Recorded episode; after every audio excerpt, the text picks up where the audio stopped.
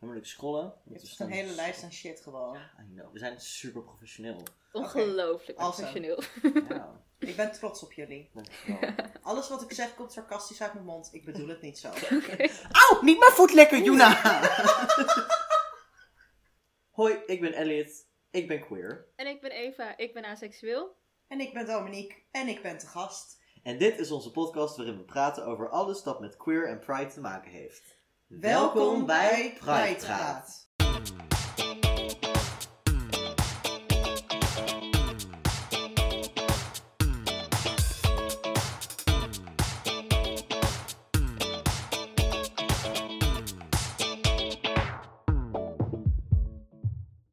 Voor deze aflevering een paar disclaimers. Ten eerste, uiteraard, logischerwijze, als je een beetje bekend bent met de term BDSM. Al onze afleveringen zijn expliciet. Deze aflevering is extra expliciet. Deze aflevering is niet geschikt voor personen onder de 18 jaar. Ik wil je echt verzoeken, als je minderjarig bent, luister niet naar deze aflevering. Kom terug op het moment dat je 18 of ouder bent, maar de dingen die hier worden besproken zijn gewoon niet geschikt voor minderjarige individuen. En ik hoop dat je dat kan respecteren. BDSM is een machtsverhouding die gebaseerd is op vertrouwen. Echter kan het wel zo zijn dat dingen die besproken worden als triggerend gezien kunnen worden voor mensen die zelf seksueel misbruik hebben meegemaakt. Verder ook nog een kleine disclaimer. Eh, Dominique en ik zitten op dit moment in een kamer met vier dieren. En die maken soms geluiden. Dus als je gekke geluiden op de achtergrond hoort, dan zijn het de dieren. Hallo, welkom allemaal bij deze nieuwe aflevering van Pride Praat. Ja, het, ik heb geen idee welke aflevering het is, eerlijk gezegd. 15? 16. 16. Aflevering 16. Ja.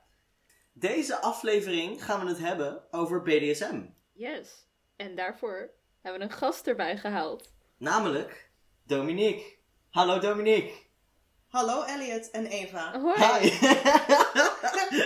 Ik voel me echt een robot. maar dat is oké. Dat komt goed. loop wel los, loop wel los. Loop eh, los. Ja, Dominique hebben we... We gaan meteen het gastensegment doen, vind ik. Yes. We stellen je een paar vragen en dan mag je antwoord op geven. Om een beetje los te komen. Zodat eh, wij, nou ja, ik niet, want ik ken je al. Maar wij je beter leren kennen en het publiek je beter leert kennen. Tof. Cool. Awesome. Even begin. Ja, nou, onze eerste vraag van het gastensegment is... eh, wat is je seksualiteit en wat zijn je pronouns? Ik ben panseksueel, demiseksueel, polyamoreus. Cool. En mijn pronouns zijn she, they. Cool. Cool. Hoe ken je ons, slash een van ons? Nou, ik ken Elliot omdat wij allebei op een boekenserver zitten. En eh, daar allebei moderator zijn eh, geworden. En nou ja, toen bleken we ook allebei uit Nederland te komen. En dat En- klikte gewoon supergoed. Ja, en allebei de kinky shit. En toen Holy shit. ja, ontstond er vriendschap over kinky shit en poly shit. En boeken. Precies. Cool. Nou, volgende vraag is om een punt te bewijzen van mij. Nee, eh, heb je meer queer vrienden of meer niet-queer vrienden? Ik denk meer queer. Ja. Ja, sowieso alles, sowieso wel redelijk, omdat, ja, hoe, hoe kan ik dat het best omschrijven?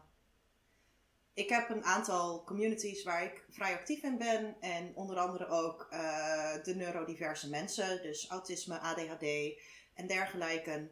En daar zie je ook gewoon dat het veel meer voorkomt. En omdat ik daar vrij actief in ben, zitten er ook gewoon veel meer queer mensen in, of mensen die in ieder geval bij de LGBTQ-community horen, de alfabetmafia.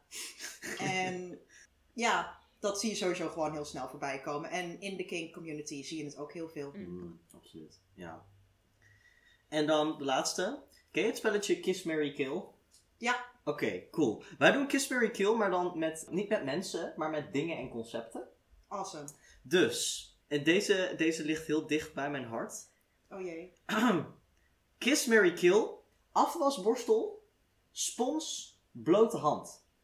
Oh. Ja, En dan gaat het om het concept afwassen. ja. Nou, afwassen doen we niet met, met blote handen. Dat vind ik niet oké. Dus dat is kill. Dat, dat gaat dood. Oké.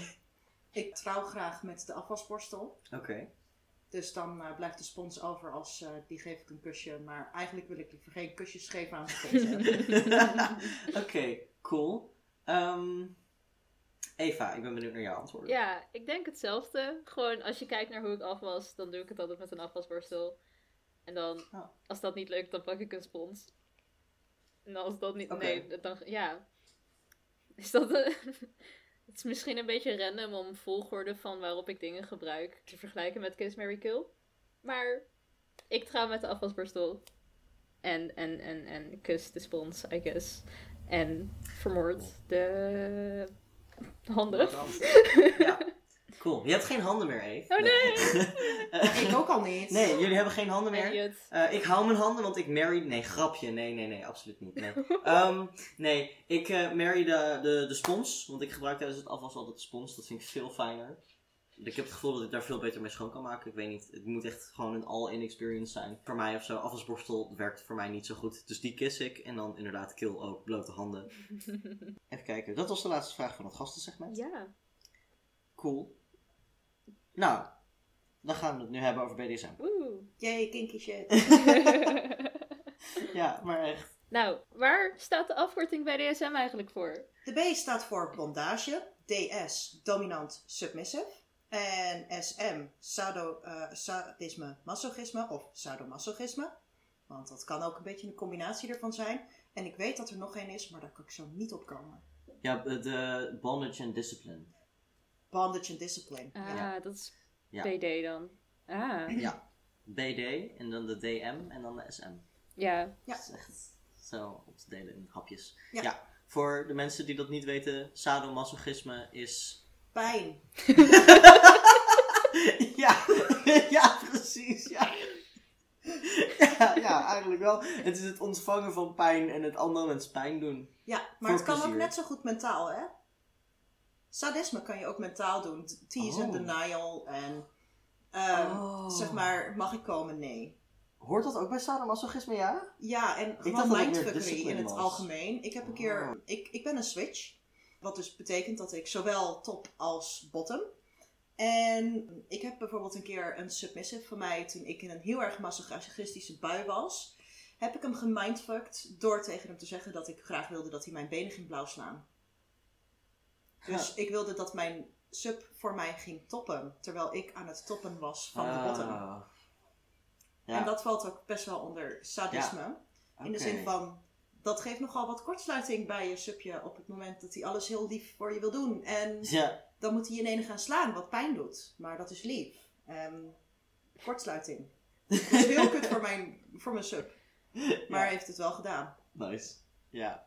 Ik zie Eva hier zitten met een blik van, dit is een onderwerp. Ja, je wordt er wel meteen in gegooid. Ja, dank je, dankjewel. Je, de zeg maar, ook. Elliot heeft wel echt de persoon uitgekozen die ook gewoon meteen, ook gewoon, hier, bam, volle Ja. bak. Ik trouwens over wat ik net vertelde ook nog één ding toegevoegd. Alles is in overleg gegaan en op het moment dat er grenzen zijn, wordt dat ook aangegeven. Ja. Dus als hij dat niet had aangekund, of als hij het echt niet had gekund, had hij elk moment een stopwoord kunnen gebruiken. Ja, Of elk moment kunnen zeggen, Domi, ik kan dit niet. Ja. dat brengt me bij een, een, een concept dat sowieso veel te maken heeft met BDSM, dat ik wel interessant vind om te bespreken, namelijk consent. Ja, safe, sane, consensual. Dat Oh ja, zijn inderdaad de, drie, de drie belangrijke woorden. Safe, sane, consensual. Oftewel veilig, gezond verstand en met toestemming. Altijd. Ja. Alles wat je doet. Ja, Altijd blijven inchecken bij je partner. Ja, precies. Het is ook, ehm, hè, als je het hebt over iets dat de afgelopen tijd veel, vooral in sociale media en zo, veel besproken is. Als je het hebt over enthusiastic consent. Mhm. Dat Ja. het echt een soort van, ja, wow, dit gaan we doen. Dat is wel belangrijk. Maar het is ook niet alleen, de, het is zeg maar, binnen BDSM is het niet alleen de taak van eh, de persoon zelf om aan te geven waar die persoon zich veilig bij voelt. Maar het is ook belangrijk om constant te blijven checken bij elkaar. Constant Ja. van, is dit nog oké, wat ik nu doe? Ehm, ja, dat je niet afhankelijk wordt van dat je het allemaal zelf aan moet geven. Maar dat er gewoon echt heldere communicatie is daarover. Als dat niet altijd gaat, want als je een heel hevige sessie hebt, of je hebt een balgag in, of noem iets in die geest, Ja. dan wordt met woorden communiceren een stuk moeilijker. Ja. En ook in het algemeen, ik heb zelf bijvoorbeeld ook wel eens gehad dat ik non-verbal ging. Maar er zijn nog steeds manieren om ervoor te zorgen dat je pauzes krijgt. Bijvoorbeeld iemand aftikken. Ja. Zoals je ook zou doen bij judo of bij karate of een andere sport waarbij je eventueel vastgezet kan worden. Mhm. Dan tik je bijvoorbeeld op de mat of op de andere persoon. En wat ook gewoon heel belangrijk is, is dat zowel de top als de bottom allebei in de gaten houdt waar hun grenzen liggen, ook qua energie en dergelijke. Want ook al ben je degene die je overgeeft, dat betekent niet dat je je eigen grenzen niet meer in de gaten hoeft te houden. Nee, precies. Ehm, Ja, misschien moeten, Ja. we, moeten jullie nog iets meer het basic concept uitleggen van BDSM. Want ik heb het gevoel dat we dat een beetje geskipt hebben misschien. Mhm. goeie. Ja. Nou, Dominique. Basic concept gezien is dus ehm, alle afkortingen, daarvoor wordt in principe een machtsverhouding gecreëerd die gebaseerd is op vertrouwen. Dus dat de persoon die iemand anders iets aandoet, tussen aanhalingstekens, die neemt met het vertrouwen van de ander ook die macht over. En dat kan dus zijn onder andere met bondage, dus iemand vastbinden. En dat kan zijn door inderdaad taken te geven aan de ander, door pijn te doen, door verschillende verhoudingen te hebben in hoe lang een spel doorgaat, dat soort dingen. er zijn heel veel verschillende vormen van BDSM ook. Ja, heel veel verschil. En het is niet alsof op het moment dat iemand BDS, ge- geïnteresseerd is in BDSM, dat die persoon dan ook meteen alle vormen van BDSM leuk vindt. Nee, BDSM en kink worden vaak ook met elkaar geassocieerd. ja, in principe wordt, is het dezelfde noemer. Ja, ik heb wel eens een keer iemand horen zeggen: kinderen die spelen, like buitenspelen, vadertje, moedertje en dat soort dingen. En dan word je volwassen en dan wil je alsnog dan wil je doorgaan met spelen. en dan is BDSM een manier van spelen. Ja, vaak noem je het ook een spel. Ja, Ja, ja. precies. En vaak heeft het ook een beetje afhankelijk met hoe je spel gaat, is er vaak ook, als je het niet over 24/7 hebt in die zin, dus als je niet zeg maar de constante machtsverhouding hebt, dan is er vaak een duidelijk begin van het spel en een duidelijk eind van het spel. Hmm. Ja, Dus zeg maar het moment waarop je inderdaad je overgeeft of de macht overneemt in die zin. Ik heb daar bijvoorbeeld met een van mijn partners was het dat op het moment dat ik collar omdeed bij de ander, was het duidelijk het begin van het spel en was op dat moment was die persoon mijn submissive. En op het moment dat de collar weer afging, of op het moment dat er stopwoorden geroepen werden, was het klaar. Hmm. heb jij op dit moment vragen voor opheldering? Eh, Nee, voor opheldering niet. Oh, oké. Maar wel vragen. Ik heb één vraag van mezelf. Oké. ehm, het is misschien een beetje een stomme vraag, maar het is gewoon als ik hier naar luister, wat je net vertelde in elk geval, heb ik zoiets van: waarom is dit leuk? Oeh, dat vind ik een hele leuke vraag. Ik kan vertellen wat ik eraan interessant vond. En waarom ik ermee ben begonnen. En dat ben gaan ontdekken. Maar ja, hoe ik, hoe ik moet verwoorden wat ik er nou precies zo leuk aan vind, daar moet ik even over nadenken nog. Hmm, mhm. Maar ik ben, ik ben er zelf in ieder geval mee begonnen omdat ik mijn destijds vriend, die deed de elektronica voor een evenement van een vriend van hem. En dat evenement heette de Kink and Buy. Het was zeg maar een soort van kinky markt op een gesloten locatie met optredens en workshops en allemaal van dat soort dingen. En daarvoor was ik eigenlijk nog nooit echt heel erg met BDSM in aanraking gekomen. En ik ben toen met een vriendin van mij ben ik daar geweest. En wij zijn bezig kijken naar een paar van de optredens. En er was er eentje tussen. En dat was een bondage act. Waarbij hij haar aan het knopen was. En aan het ophangen was aan een bamboe. En dan niet aan de nek, maar gewoon zeg maar, aan benen en zo, weet je wel. En het zag er überhaupt al mooi uit. Maar wat mij persoonlijk heel erg raakte, was de connectie die zij tussen elkaar hadden. En zeg maar de manier waarop hij bezig was met het knopen. En hoe hij met haar bezig was. En het was super non-verbaal, die communicatie. Maar het was echt super mooi om te zien. Die intimiteit en de overgave en de controle en dat soort dingen. En dat is wat mij ontzettend eraan integreerde. Ik wilde gewoon weten van hoe voelt dat? Hmm, Dat was het mhm. voor mij vooral. Van zo'n connectie kunnen leggen met iemand op zo'n manier, op zo'n vertrouwensbasis. Dat vond ik heel interessant eraan. En als ik dan inderdaad de vraag, wat is er nou precies zo leuk aan? Voor mij is het heel erg een connectie kunnen opbouwen tussen de mensen waarmee ik zoiets zou doen. En zowel als top als met bottom. Dus als ik in de, in de masochistische rol zit, dan geef ik die controle aan iemand over om mij compleet blauw te mappen. En de band die je dan op dat moment schept en het vertrouwen wat je op dat moment met zo'n persoon moet hebben, dat hij niet bijvoorbeeld je knie kapot gaat slaan. Mhm. En dat hij ook goed voor je zorgt op het moment dat er iets wel misgaat. Want heel simpel, als je iemand slaat, dan kan iets misgaan. Zo simpel is het gewoon. Dat de band die je ertussen creëert. En ik vind zelf ook bijvoorbeeld in mijn masochisme. Ik voel me er zelf er heel erg sterk in. Want ik neem dat, zeg maar. Oh ja. Hè, ja. ik, ik ontvang het. En het geeft voor mij ook een bepaalde vorm van. Ik zou het niet macht willen noemen, maar kracht. Oh ja. Dat is het woord dat ik zocht. Ja. Mhm. Het geeft mij een bepaalde kracht, omdat ik dat doorsta en dat ik daar zeg maar vervolgens ook kan. Ja, ik bedoel, er is een vrij duidelijk resultaat van wat er gebeurd is. Dus dat stuk zeg maar. En bijvoorbeeld als ik op een feest speel, want er zijn speciale feesten voor BDSM, Mhm. en er heel veel mensen omheen zitten te kijken, dan heb ik zoiets van, ja, maar dat doe ik wel even. Hè. Ah ja. Ja. Zo had ik er nog nooit over nagedacht. Zeg maar het inderdaad. exhibitionistische stuk erbij, dat, dat, dat inderdaad, dat er het ook wordt bekeken, dat het gebeurt. En dat ik daar inderdaad eigenlijk met een dikke glimlach pijn sta te ontvangen. Ja. Ja, ik moest terwijl je aan het praten was wel even denken aan een andere term die ik wel even toch wil noemen. Ja. Eh, dat is aftercare. Ja, Oh. En ik denk dat dat heel belangrijk is om te noemen. Want op het moment dat je dat weglaat, dan geeft het waarschijnlijk een heel scheef beeld. ja, Aftercare is namelijk een must. En dat is gewoon de nazorg.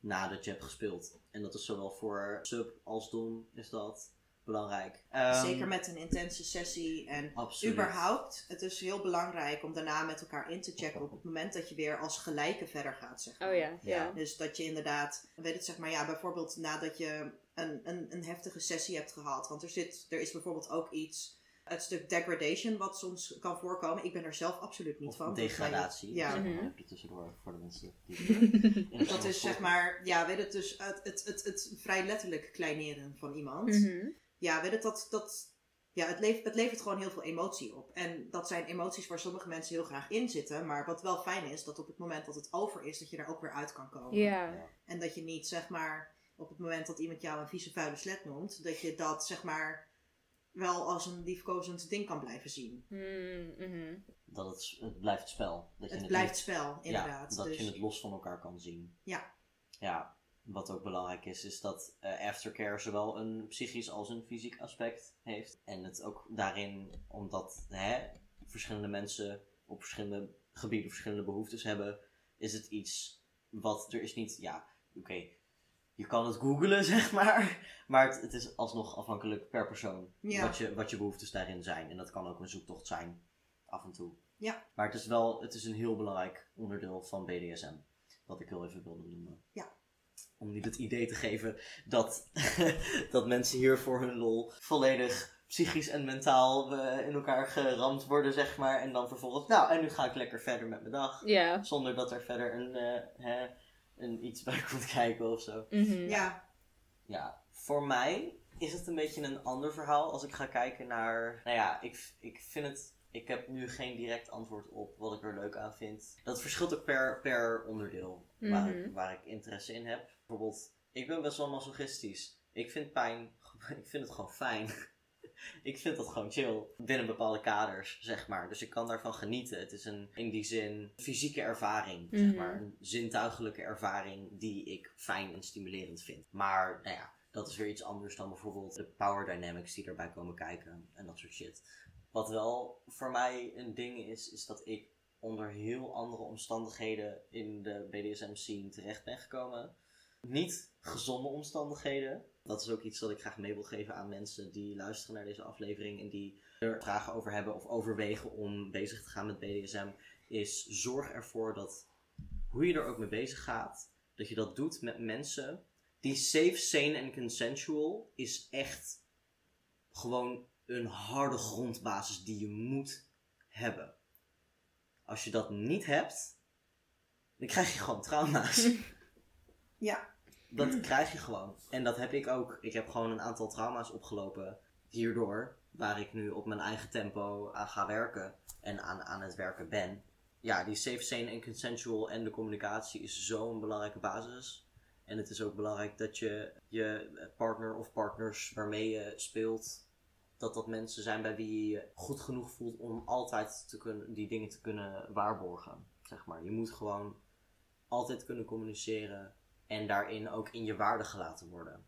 En hè, natuurlijk heb je soms meningsverschillen of kan je iets aangeven en kan dat emoties bij iemand omhoog brengen. Maar die emoties zijn nooit jouw verantwoordelijkheid. Dat is altijd de verantwoordelijkheid van de persoon die de emoties heeft.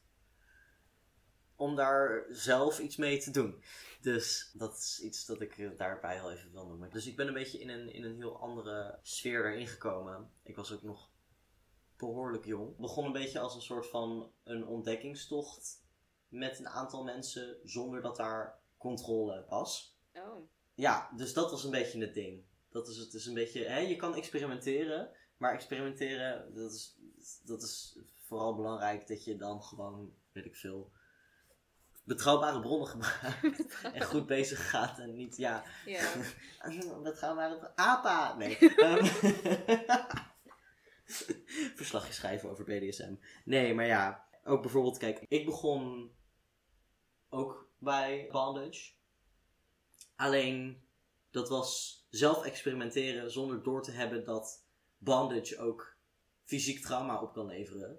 In de zin van als je, hè, is like, er is een check die je kan doen op het moment dat je polsen vastgebonden zitten, om ervoor te zorgen dat er geen zenuwen afgekneld zijn. Want op het Oh. moment dat je gaat knopen en je knelt zenuwen af, dan kan dat permanente schade opleveren. Dat zijn bijvoorbeeld dingen waar ik niet van op de hoogte was op het moment dat Oh ik begon.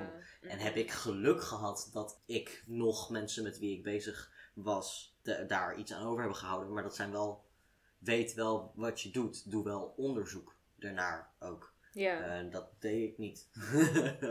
dus Ik heb mezelf ook wel eens zenuwschade geknoopt. Oh Ja. jeetje. Wel tijdelijk hoor. Ja, nou ja, het was per ongeluk. Maar er zijn heel veel workshops beschikbaar in Nederland.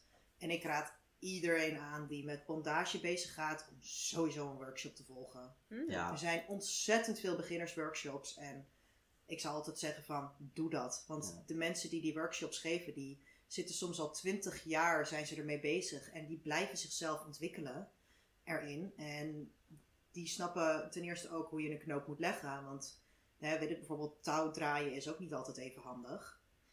Maar ja, weet het gewoon, de basisprincipes kunnen.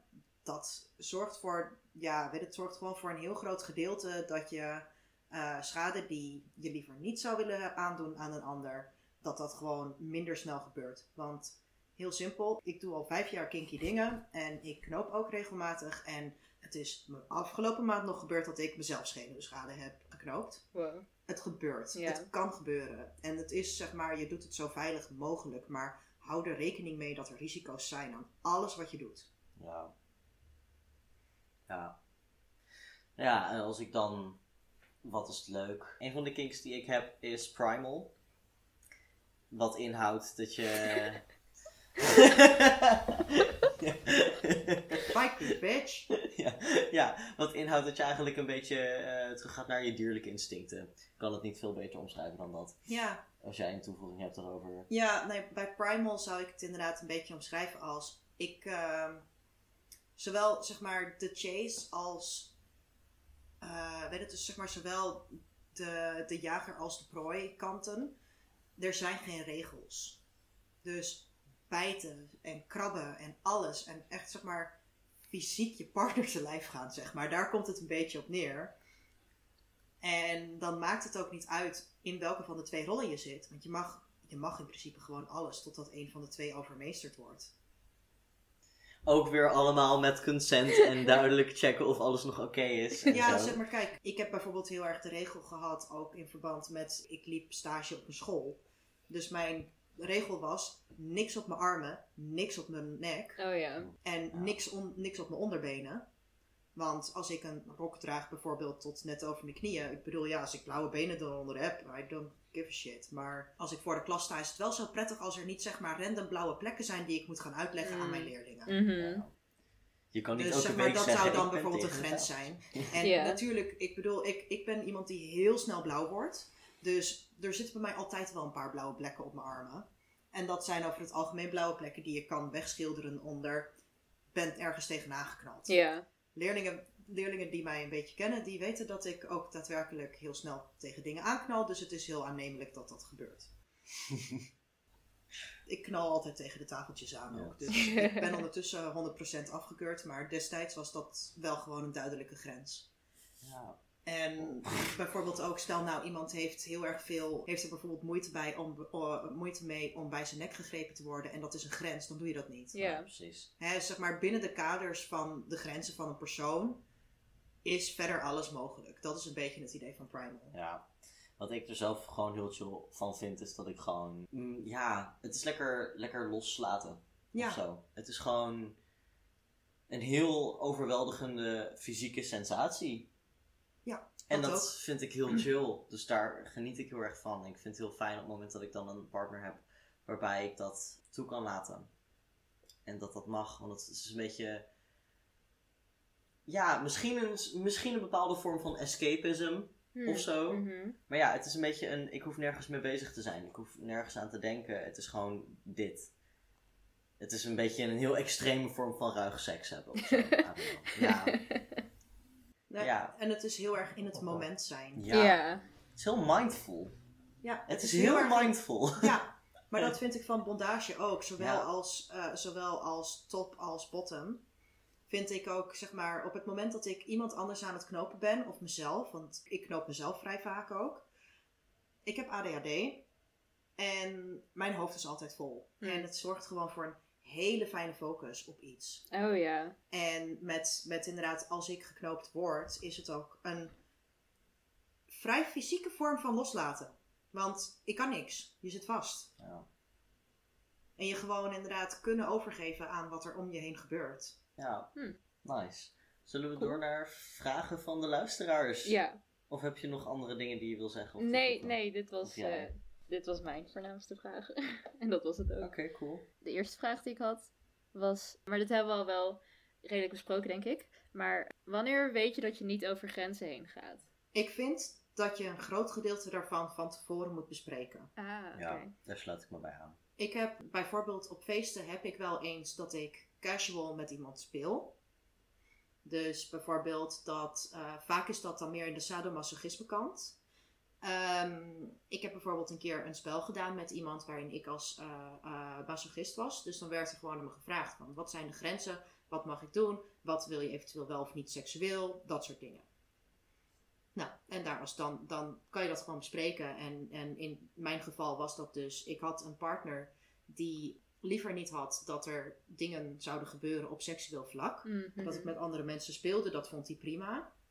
Maar wilde liever niet dat er op seksueel vlak dingen gebeurden zonder dat, eh, zonder dat partner er vanaf wist.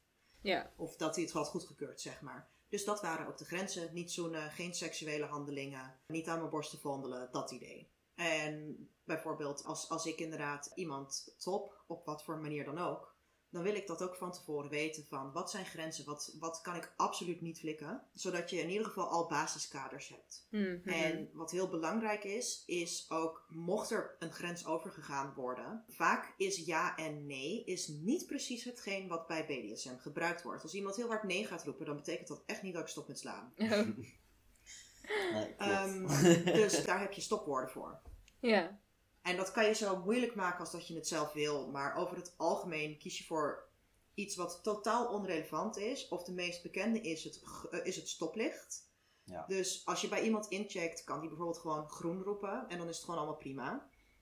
Oranje, we moeten er even over praten. Want er loopt hier wel tegen een grens aan. En Hmm. rood is gewoon klaar, sloes. Niks meer. Ah, oké, ja. En dat kan vanuit allebei de kanten geroepen worden. Ik heb er zelf heb ik bijvoorbeeld koffie. Want dat is zo ontzettend onrelevant dat je dan ook echt even meteen uit die headspace bent. Mm, mhm. En ik ken bijvoorbeeld ook iemand die dus prei heeft als stopwoord. Iets wat compleet onrelevant is, maar wel makkelijk te zeggen is. En bijvoorbeeld dus ook het afkloppen wat ik had aangegeven op het moment dat een van de twee non-verbaal gaat. Dat je in ieder geval ook kan afkloppen van even klaar. Want dan kan je ook even tot rust komen en mocht, mocht het dan, eh, mocht het daarna weer goed zijn, dan kan je altijd een duim omhoog steken. Of inderdaad, nee, even niet. Omdat je er daarna over gaat praten. Dat is denk ik het belangrijkste. Om, mocht er een grens bereikt worden, of mocht je het gevoel hebben, als zowel top als bottom, dat er iets in de grens niet goed zit, gebruik stopwoorden. Ga met elkaar in gesprek. Ja, cool. Dankjewel. Wil je mijn tweede vraag ook meteen doen of wil er eentje van jou tussendoor? Laten we die van jou eh, meteen maar doen. De vraag is, hoe kan je BDSM verenigen met feminisme? Want zeg maar, Oh ja. ja, bijvoorbeeld als je dan in de submissive rol zit, maar je hebt nog steeds, je wil nog wel zeg maar een strong independent woman zijn. Ik weet niet of jij het beter kan uitleggen. Ja, want omdat context erbij is dat sommige mensen ook zeggen dat BDSM juist heel empowering kan zijn. Alleen het gevoel toch dat je op het moment dat je aan BDSM doet en je dan om maar een power dynamic te pakken, daddy dom little girl bijvoorbeeld, dat is toch, dan geef je toch als vrouw elke vorm van machtspositie als het ware op aan een man. Hoe kan dat samen met, met feminisme? Ik denk dat dat een keuze is die je zelf maakt op dat moment. En ik persoonlijk vind emoties ontzettend empowering. Hm. Dus op het moment dat jij als submissive vrouw kan, laten, kan loslaten, die emoties durft te tonen en dergelijke. En dat eh, op een respectvolle manier dat daarmee om wordt gegaan. Want dat is natuurlijk wel ook in het safe scene consensual stuk. Mm. Ik denk dat dat juist heel belangrijk is. En ja, weet het zeg maar, ik zie, ik zie feminisme ook niet per se alleen maar voor me als femdomme.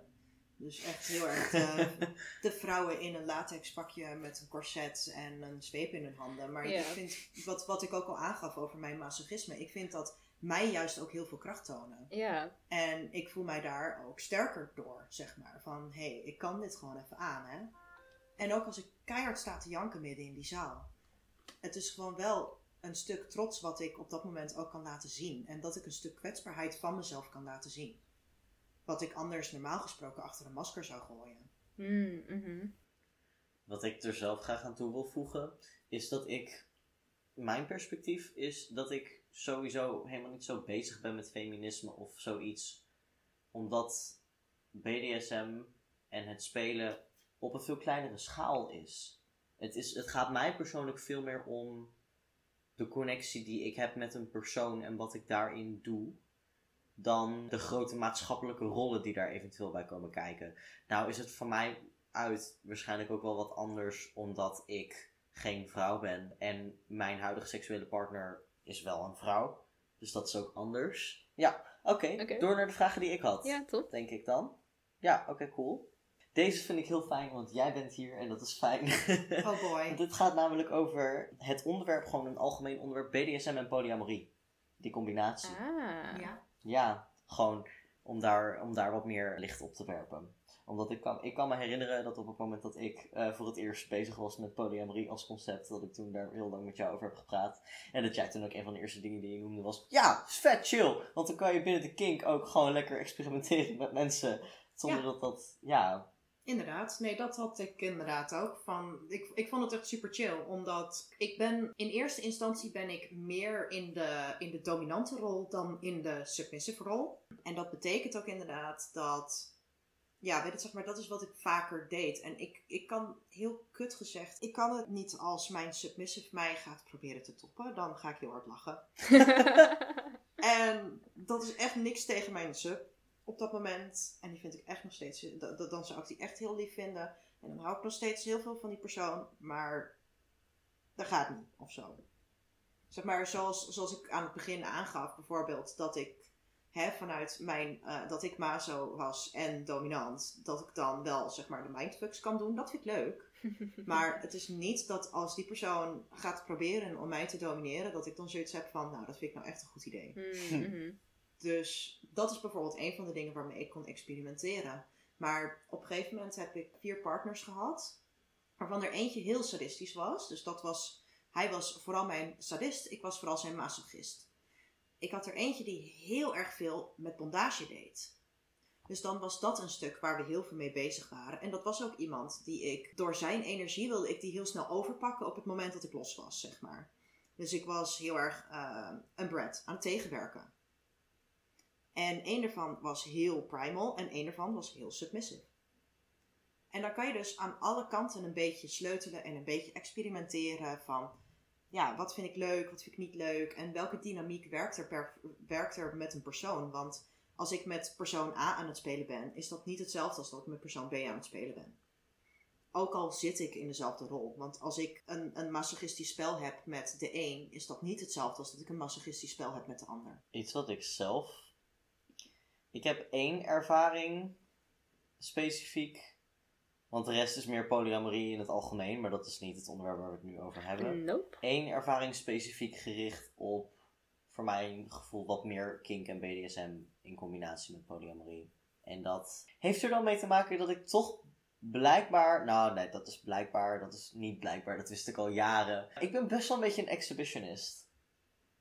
Ik vind dat wel, ik vind dat wel leuk, Wat- een wat beetje, bekeken worden. Oh, Ja, zo. je hebt eh, eh, voyeurisme en exhibitionisme. En dat zijn het, ja, de twee verschillende kanten van hetzelfde muntje, zeg maar. Voyeurisme is dat je graag naar mensen kijkt terwijl ze eh, sexy dingen doen samen. En het exhibitionisme is dat je graag bekeken wilt worden. Ja. En ja. Klinkt echt heel creepy, Ja. maar goed. ja. Nou ja, dat is dus ook waarom ik het fijn vind. Om als ik midden in zo'n zaal sta en geslagen word, dat iedereen naar me aan het kijken is. Want dat geeft gewoon een bepaalde kracht. En dat geeft ook een bepaald zelfvertrouwen. Want Mm. iedereen is naar je aan het kijken. Zie mij even in het middelpunt van eh, deze kamer zijn, zeg maar. Oh ja, ja. Terwijl ik normaal gesproken liever in een boek zit op een bank. ja. Ja. Ja, bij mij is het dan, bij mij gaat het niet zo ver dat ik zoiets heb van anyone and everyone come look at me. Maar binnen, binnen bepaalde kaders, dat komt voor mij ook natuurlijk omdat ik gewoon lastig zit met mijn lichaam. Dus dat is iets dat eh, op het moment dat bepaalde mensen mij zien, dan kan het genderdysforie oproepen en, en whatnot. Maar één ervaring die ik wel heel fijn vond, is dat ik een beetje aan het flikvlooien was met twee mensen. Wat ik daarin heel fijn vond, is dat er op een gegeven moment een, een moment was dat ik dan met één iemand heel heftig aan het zoenen was. En dat zij, nou ja, zij was mij pijn aan het doen. En er stond iemand anders, die stond naast het bed te kijken hoe dat gebeurde. En dat gaf me een soort extra thrill of zo. Dat voegde eraan toe. Ja, het maakt het extra spannend of zo. Dus dat vond ik heel nice. Wat ik ook heel nice vind, en dat is dan. Ja, dat hoeft niet per se gekoppeld te zijn aan polyamorie. Dat kan ook gewoon. Nou ja. Het is wel non-monogamie. In de zin van triootjes of like groepseks of whatever. Dat je, mijn persoonlijke ervaring daarin is, meer input hebt. En ik kan heel erg, ik kan heel erg goed meegaan in wat mensen fijn vinden. Ik hou er heel erg van om mensen te zien genieten. Ik vind dat fijn. En dus hoe meer zielen, hoe meer vreugd, letterlijk. Want dan zijn er meer mensen die, te- die genieten, die op verschillende manieren genieten. Nieuwe dingen kan ik op die manier makkelijker ontdekken, omdat ik het soms lastig vind om uit mijn comfortzone te stappen, zeg maar. Maar op die manier kan ik toch dingen veilig op een veilige manier aftasten. Dus dat is ook iets waarin ik dat fijn vind van het non-monogamie in combinatie met BDSM. Mm, mhm. Ik moet wel zeggen, met mijn exhibitionisme, ik word er niet heel blij van als mensen aan het kijken zijn hoe ik seks aan het hebben ben. Dat is voor mij niet zo'n dingetje. Ze mogen me Nee. best horen. Dat is ook al een paar keer gebeurd. Mensen me horen, meer huisgenoten.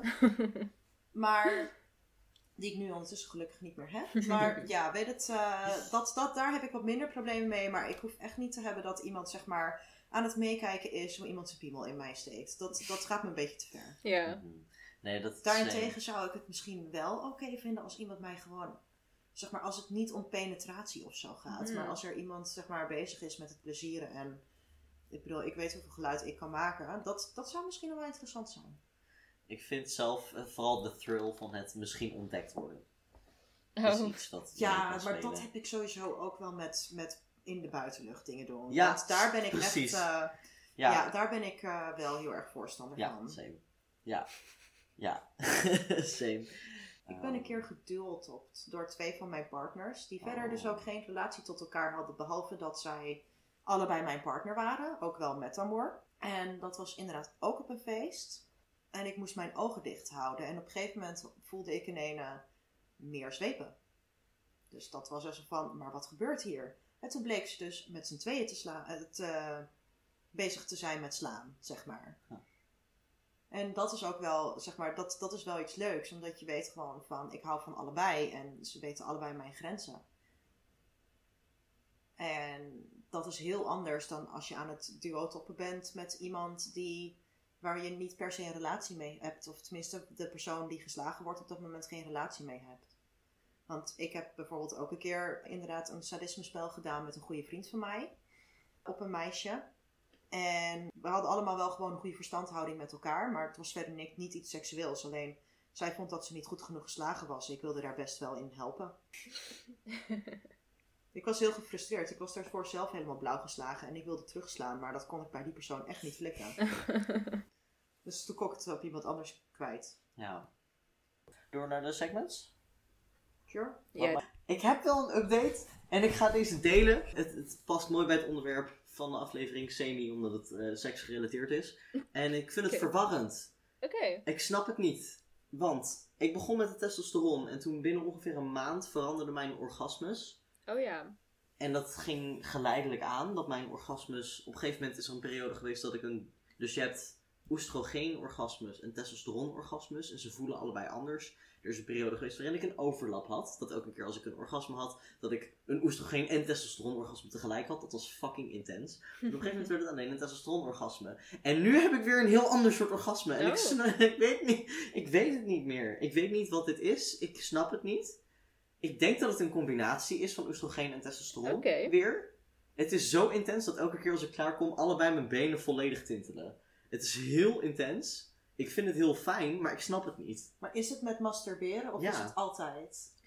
Oeh, het is met masturberen. Het is niet tijdens de seks. Denk ik? Ja, want ik, ik heb bijvoorbeeld als gewoon biologisch vrouw, Ja. als ik orgasmes heb met een partner, ja. die zijn over het algemeen zoveel intenser dan als ik gewoon mijn, mijn, mijn tools erbij pak, zeg Ja, maar. dat herken ik. Dat heb ik ook een periode gehad, inderdaad. Het is nu, ik weet het niet. Omdat ik, sinds ik aan de testo ging, kan ik maar één keer klaarkomen. Dat is stom. Ja, I know. Het is heel kut. Het is echt, ik kan één keer klaarkomen en dan ben ik klaar. Dan is het op. Dan is mijn hele lijf heeft zoiets van, yo, uh-uh. Dat begint nu ook weer te veranderen nadat ik, want dan was het ook echt, dan merkte ik ook gewoon, dan was, het, dan was ik klaar en dan was het ook klaar. En nu begint het steeds meer, dan kom ik klaar en dan zit mijn hele lijf echt in zo'n high van, oh, ik wil meer! En dan zit ik zo, dude, ik heb er zoveel moeite voor gedaan en dan zeg je dat je meer wil? Like, take it, please, weet je wel. Maar daarom heb ik nu in seks dat ik meer focus op interne orgasmes, like G-spot orgasmes, meer dan mijn clitoraal orgasme, omdat ik er daar zoveel van kan hebben als ik wil. En ze voelen ook even fijn, zeg maar. Dus dat weet ik niet. Dan gaat het goeie. Dan moet ik in de gaten gaan houden of dat tijdens de seks ook zo is. Ja. Ja. Maar ja, dat is mijn transitie-update. Mijn orgasmes zijn weer aan het veranderen. Cool. Verder, ja, zoals altijd, ik heb meer haar. maar ja, As always, as Ik always. vind het meevallen vanaf vorige week gezien. oké, cool. Ja, mijn gezicht begint nu weer een beetje meer te krijgen. Maar ik heb ook school weer. Dus Ja, dat, dat, dat helpt misschien. ja. Ja, uit. Nou, dan gaan we door naar labels. Labels. Labels. Het is mijn beurt deze Ja, week. Ik ga het deze week hebben over panseksualiteit. Nou, wat leuk. Wat toevallig dat jij er toevallig bij zit. Panseksualiteit is een seksualiteit. Wow, shocker. Wow, Oh shocking. wat houdt het in? Nou, wil jij hem uitleggen anders, Dominique? Nou ja, wat het voor mij inhoudt Ja. is... Ik zie mensen als een mens en niet per se als hun gender. En het boeit mij gewoon geen ene fuck wat er tussen iemands benen hangt. Of wel, of Mhm. niet. Ja, zit. En- Hangt of zit. En hoe iemand zich identificeert, dat maakt me eigenlijk ook helemaal niet zo heel veel uit. Zeg maar, natuurlijk, ik heb er respect voor en zo. Dat, dat is niet Ja. mijn punt. Ja. Maar meer van, het maakt me gewoon geen ene flikker uit. Als ik iemand leuk vind, dan vind ik iemand leuk. Ja. En dan is hij een persoon. En dan, dan, dan wil ik daar leuke dingen mee doen. Ja. Dat vind ik ja, het is heel mooi gezegd. Ja, nou, dat is panseksualiteit, dat is wat het inhoudt. En dan de, de vlag. Nou ja, het is een beetje eh, eh, losselijk geïnterpreteerd. Er, ik, ik heb geen directe definitie gevonden, maar dit is hoe de meeste mensen hem interpreteren. Is dat het roze, oh ja, de vlag ziet eruit als een, van boven naar beneden, een roze streep, een gele streep en een blauwe streep. yes. En dat betekent dus, de roze streep wordt meestal geïnterpreteerd als aantrekkingskracht tot vrouwen.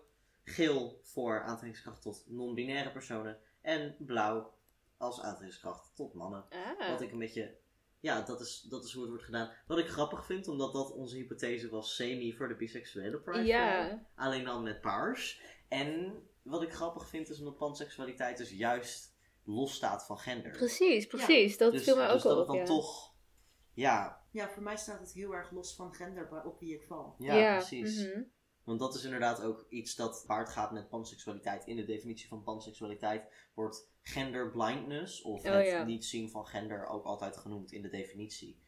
Waar voor, voor mij, ik identificeer me als biseksueel, omdat voor mij iemands, seks, iemands, ja, iemands geslachtsorgaan. Like, ik vind het allemaal aantrekkelijk. Mhm. En het boeit, het boeit me niet in die zin, want ik vind het allemaal aantrekkelijk. Mhm. Maar het heeft voor mij wel invloed op de aantrekking die ik voel. Ja. Omdat ik mij soms meer aangetrokken voel tot het ene, soms meer tot het ander. Het doet er wel toe. Mhm. Terwijl bij panseksualiteit is het echt gewoon een soort blindness. Een soort van, ja, het zal wel, whatever. Ja, nou ja, dat was labels Cool. voor deze week. Nou. En je mag door. Ben jij nog uit de kast gekomen? Wat? Of, of is dat nog niet? Nee, Daar zijn jij bent niet. eerst. Ik ben weer. Ja. nou, ik ben wel veel aan het woord. Ja, oké. Ik kan wel mijn segment Nou. tussendoor doen, maar ik ben niet uit de kast gekomen, dus door. Ja, hè, dat is jammer. ja. Oké, nou, dan gaan we door naar Queer History feitje. Yes. Voor het Queer History feitje van vandaag geef ik een shout-out aan het Instagram-account MATTXIV of MatXIV, I guess. Ehm met, hun Insta-pagina staat vol met onder andere uitleg over queer identiteiten, stigma doorbrekende uitleg en nog veel meer. De ad staat ook in de omschrijving van deze aflevering. Deze week ga ik het hebben over het acroniem LGBTQ. Dit gaat over wel de het Engelse acroniem, maar LGBTQ en specifiek waarom de L als eerste komt in dat acroniem. Zoals met alle termen is de LGBTQ ergens vandaan gekomen en niet zomaar uit het niets ontstaan. Tot de jaren 80 van de vorige eeuw werd de term gay grotendeels gebruikt als mensen het hadden over queer identiteiten. Ook niet-homoseksuele eh, queer identiteiten werden gay genoemd, zoals transgender en biseksueel. Pas vanaf het midden van de AIDS-crisis kwam er een acroniem voor queer mensen. Dit acroniem bestond eerst, nou ja, dat was eerst GLBT. Dus met de G eerst en daarna de L. De verandering LGBT, waarbij de L eerst komt, is gelinkt aan de AIDS-crisis van de jaren 80. De AIDS-crisis zorgde ervoor dat homomannen in Amerika geen bloed meer mochten doneren uit angst voor de ziekte.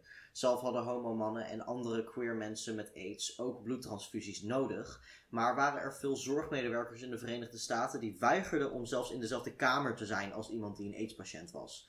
Zo werden AIDS-patiënten in de steek gelaten en heel erg aan hun lot overgelaten. De lesbische gemeenschap kwam toen in actie. Ze organiseerden groepen zoals Blood Sisters, of bloedzusters in het Nederlands, om AIDS-patiënten toch bloedtransfusies te kunnen geven. Waarbij lesbische mensen eh, en, en ja, gewoon andere mensen ook massaal tot actie kwamen om bloed te doneren. Ook namen ze onder andere de zorg voor de AIDS-patiënten op zich. Omdat de lesbische gemeenschap tijdens de AIDS-crisis in de Verenigde Staten zo'n cruciale rol heeft gespeeld, begint het acroniem nu met de L als dank en Oh, eerbetoon aan de lesbische mooi. gemeenschap. Ja. Ja. Ik wil er wel nog wel eventjes bij noemen dat er na aanleiding van de post op dit Instagram-account dat ik voorheen heb genoemd, Ja. er een beetje een, eh, een uproar is geweest. Omdat er mensen zijn geweest die de post dusdanig hebben geïnterpreteerd dat alleen homoseksuele mannen geleden hebben onder de AIDS-crisis. Mm. En dat, nou ja, weet ik veel, dat lesbiennes alles opgelost zouden hebben. En Oh ja, een aantal ja. andere misinterpretaties. Dat is niet de bedoeling, uiteraard, van deze post geweest. Het ging meer gewoon over het algemeen educaten over de rol van de lesbische community in het ondersteunen van de patiënten en slachtoffers van de AIDS-crisis in de jaren 80 in de Verenigde Staten. Yes. Cool. Dat was Queer History voor deze Vind ik een aflevering. mooi queer history feitje. Hebben we nog laatste gedachten en dingen voor deze aflevering? Ik niet. Dominique, heb jij nog laatste gedachten? Nee. Oké, cool. Ik ook Ik ook niet. Wil je nog iets nou, cool. zeggen tegen onze luisteraars? Ik denk dat het niet uitmaakt hoe oud of jong je bent om jezelf te kunnen zijn. En dat is het belangrijkste wat je mee moet nemen. En heb elkaar lief. Oh. En heb respect voor elkaar. En dat is denk ik ook het belangrijkste stuk vanuit BDSM. Heb respect voor wat je doet. Hm, mhm. En ik vind dat dat in het gewone leven ook meegenomen moet worden. En hetzelfde met communicatie. Communiceer met elkaar. Heb begrip voor elkaar. En als het begrip er niet is, probeer dat te creëren op een zo liefdevolle manier. Cool, dat is heel mooi. Mooi, nice. Dankjewel. Ja, ja mooie boodschap. Cool. Oud en wijs, hè? ja, dat krijg je als je 31 bent. Ja. Oké, cool. Dankjewel Dominique voor het komen op deze podcast. Ja, heel erg bedankt. praten. We hebben heel veel geleerd over... Geen probleem. dingen geleerd over BDSM in elk geval. De luisteraars van Ja, Top, ja. leuk. Ja, nice. Oké. Bedankt dat jullie me wilden hebben. Ja, tuurlijk. Dankjewel voor het luisteren naar deze aflevering van Bruikpraat. Yes, we hopen dat jullie het leuk vonden. Als jullie nou nog iets van ideeën, gedachten hebben die jullie met ons willen delen, een idee voor een queer history feitje, of een label waarvan je graag hebt dat we het bespreken, of een onderwerp voor op de podcast, Mhm. Stuur dan een mailtje naar pridepraatpot.gmail.com. of DM ons op Instagram, @pridepraatpot. Yes. Dank voor het luisteren. Ja, en tot over twee weken. Ja, tot de volgende keer. Doei! Doei!